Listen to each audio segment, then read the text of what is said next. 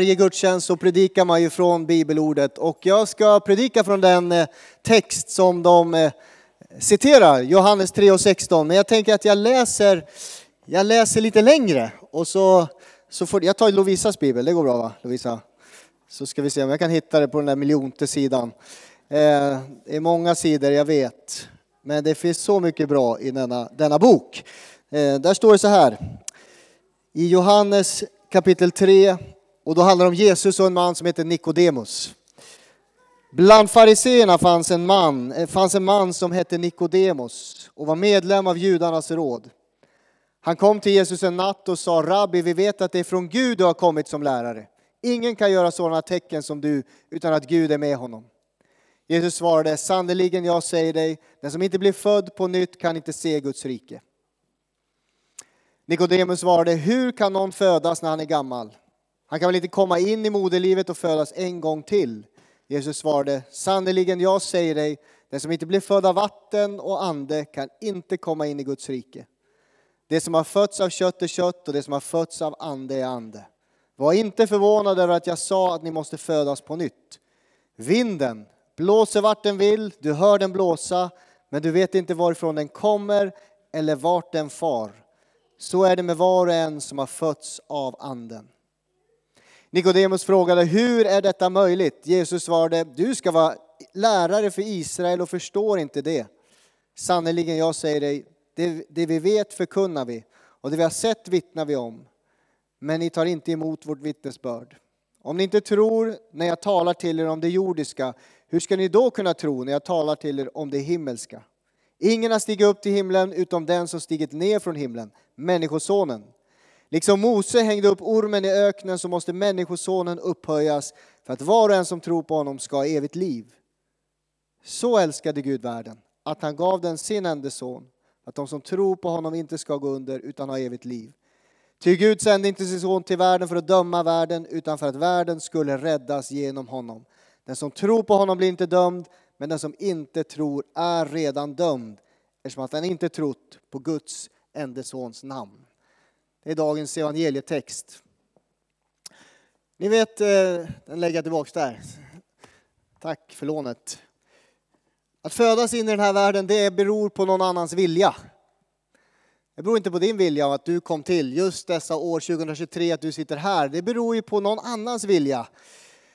Ytterst är det ju Gud som vill i ditt liv såklart. Men det finns någon annan, dina föräldrar förhoppningsvis, som vill i ditt liv. Men på grund av att Gud är den yttersta anledningen till att du är här så ska jag säga att ditt liv har mening. På grund av att Gud vill i ditt liv så finns det en plan och ett syfte faktiskt med ditt liv.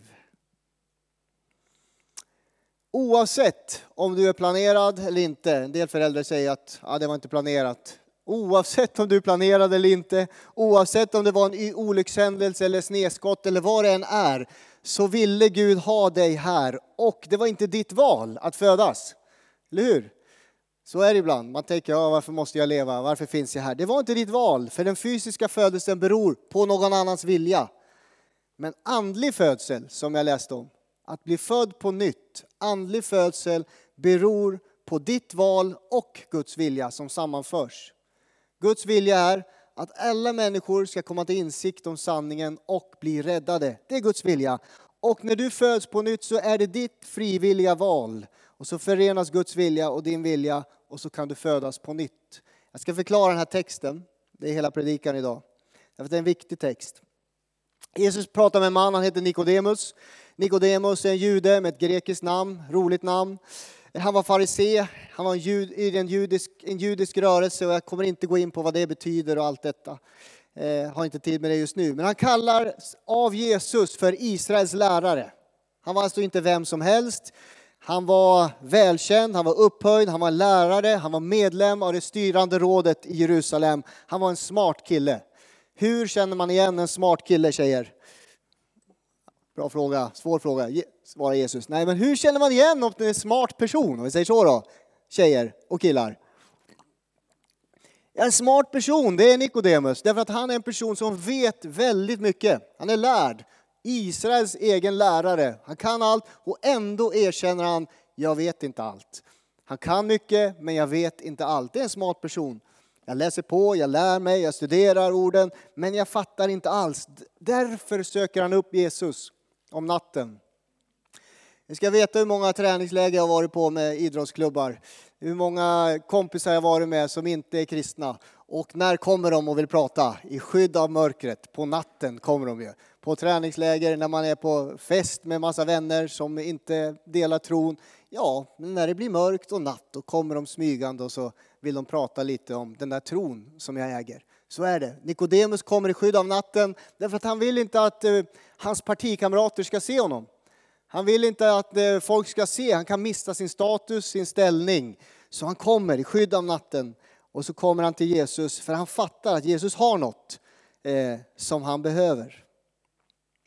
Jag har fyra V som ni ska komma ihåg, det kommer på provet. Eh, så, eller hur?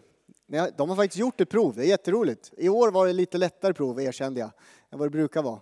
Men det var grymt bra.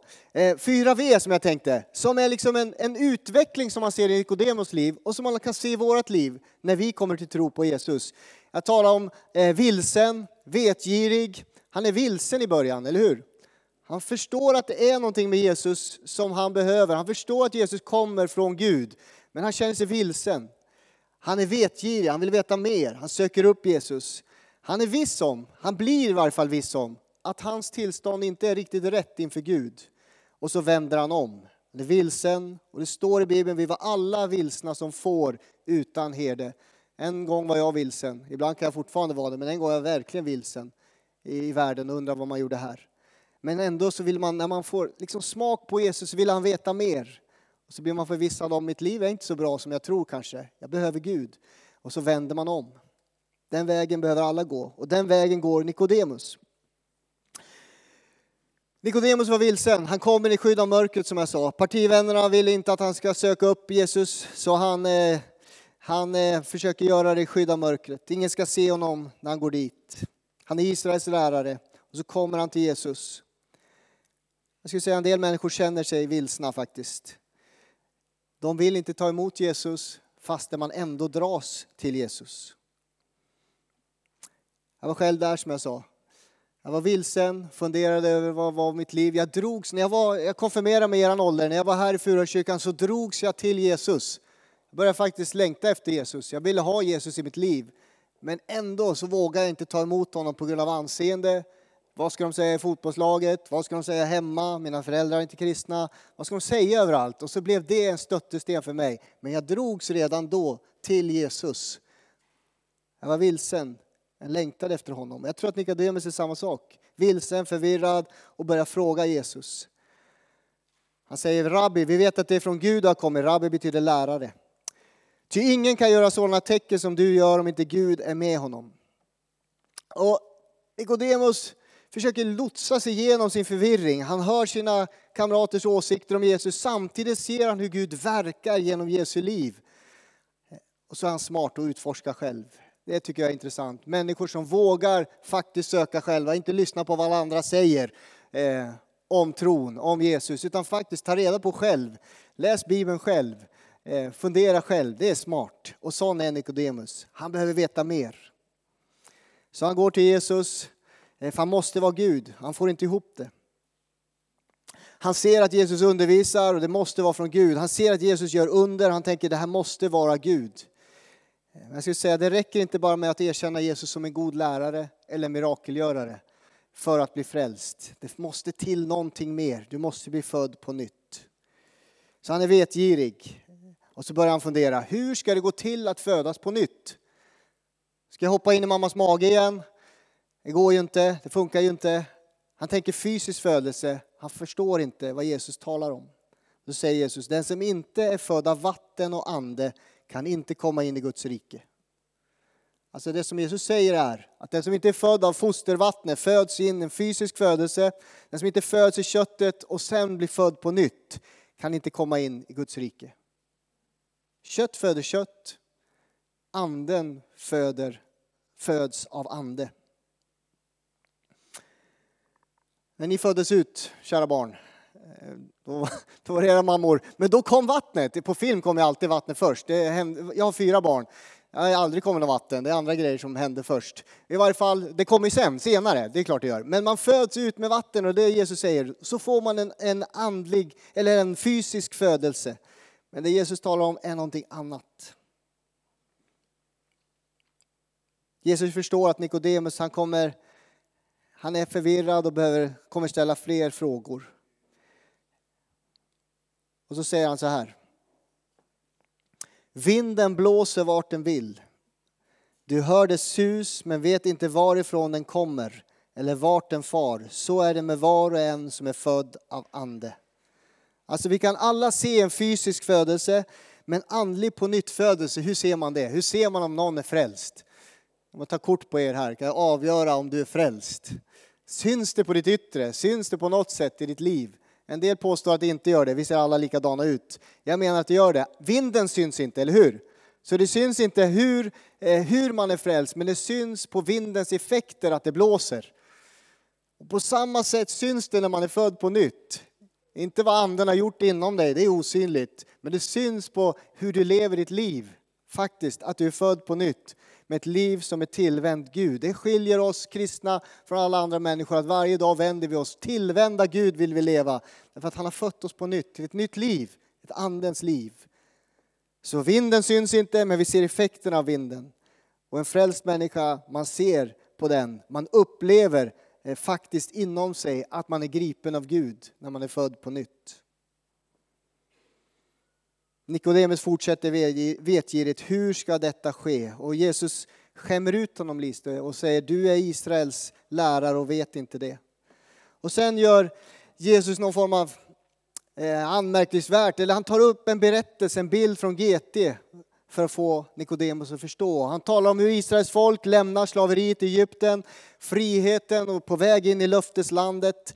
Eh, och där ute i öknen börjar man gnälla. Man börjar gnälla på Gud, man börjar gnälla på allt, man gör uppror mot Guds eh, ja, vilja och väg egentligen. Och Gud sänder ormar, det är Gud som gör det, sänder ormar in i lägret och människor blir bitna och faller ner och dör av giftet. Eh, dramatisk händelse såklart. Och så börjar man omvända sig. Man klagar inför Mose och Mose ber till Gud. Och Gud säger till Mose att sätta upp en kopparorm på en påle. Och de som vänder sig till kopparormen ska slippa giftet och slippa döden och få livet tillbaks. Allt detta pekar ju på Kristus, pekar ju på Jesus. Även om det är galen berättelse när man läser den kanske, så pekar den på Jesus. Och det gift som tar död på folket idag, det kallas ju synd i Bibeln. Det är det som skiljer oss från Gud. Det är det giftet som det finns ett motgift mot och det är Jesus på korset. Det är det hela berättelsen pekar på. Det är det jag försöker få Nikodemus att förstå. Du blir inte rättfärdig genom gärningar. Du måste vända dig till Jesus på korset. Precis som ormen upphöjdes i öknen måste Människosonen bli upphöjd så att alla som tror på honom ska bli räddade, säger Jesus. Det finns bara ett motgift mot synd, det är Jesus på korset. Därför låter han våra synder, tar vår synd. Och det är därför Jesus säger de här orden. Ty så älskade Gud världen, att han gav den sin enda son för att de som tror på honom inte ska gå under utan ha evigt liv. Du ska inte behöva gå under i den här världen. Det finns ett evigt liv. Det finns ett liv tillsammans med Jesus, det bästa livet. Men Gud är god. Alltså, om du bara vänder dig till Jesus, Jesus på korset, så finns all förlåtelse och du kan bli ren på insidan och få detta nya liv. Nikodemus han börjar bli viss om att okej, okay, mitt tillstånd i hjärtat är nog inte rätt. Han behöver räddas. Han blir förvissad om detta. Och så vänder han om. Hur vet jag att han vänder om? Han blir inte frälst i berättelsen. Hur vet man att han vänder om? Jag skulle säga att han går från vilsen till vetgirig, till förvissad om sitt inre tillstånd, att han behöver följa Jesus. Eh, och han förstår de här orden, att han är älskad av Gud. Han förstår att han måste vända om. Och när Jesus begravs, i slutet på Johannes evangeliet så är Nikodemus där vid graven med dyra myrra och olja har han för att han ska smörja den döde. Någonstans så finns han där vid Jesu död och vill följa honom han också. När vi tar emot Jesus som vår Herre och Frälsare så förvandlas vi inifrån och vi blir födda på nytt. Din fysiska födelse beror på andra människors vilja. Din andliga födelse beror på din vilja. Du behöver själv ta valet. Jag vill ta emot Jesus i mitt liv. och bli frälst. Jag gjorde det när jag var 19 år gammal. Det är det viktigaste och bästa beslut jag har tagit i mitt liv. När man tar Jesus, sätter honom först i livet, så hamnar allt annat i rätt ordning. Jag följer honom så ordnar sig, jag säger inte att allt är lätt, jag säger bara att allting hamnar i rätt ordning. I familjeliv, i yrkesliv, allting blir liksom på något sätt följa honom. Och så ordnar sig det mesta. Det är det viktigaste, liv jag har tagit, eller viktigaste beslut jag har tagit i livet. Jesus säger också till dig, du måste bli född på nytt. Annars kan du inte se Guds rike, kan inte förstå vem Gud är på ett sätt. Och du kommer inte in i den här relationen om att du får bli barn till Gud. Nu ska vi be och tacka Jesus för den här texten. Tack Herre. Tack Herre Jesus att du vill föda oss var och en på nytt Herre. Du vill ge oss en ny ande, ett nytt liv, ett evigt liv Herre. Herre, du ser att vi kan inte se hur det går till, men vi förstår att när vi öppnar våra hjärtan för dig så kommer du heliga Ande in och flyttar in i oss, tar din boning i oss och det påverkar resten av våra liv, Herre. Jag tackar dig för konfirmanderna som har fått höra om dig. Jag ber ytterst att de ska få verkligen få följa dig genom livet, Herre. Jag ber för föräldrar och släktingar och vänner att vi var och en ska få se dig, att du älskar oss så högt och gett ditt liv för oss. Jag ber att vi alla här ska vända oss på nytt till dig på korset. Bekänna att vi är beroende av dig. Vi är i behov av dig Jesus. Till syndernas förlåtelse, till ett nytt liv. Tack Jesus. Tack för det eviga livet. Vi ber så i Jesu namn. Amen. Amen. Amen. Nu ska vi låta konfirmanderna komma fram och så ska vi be för er. Och Walter kommer fram också.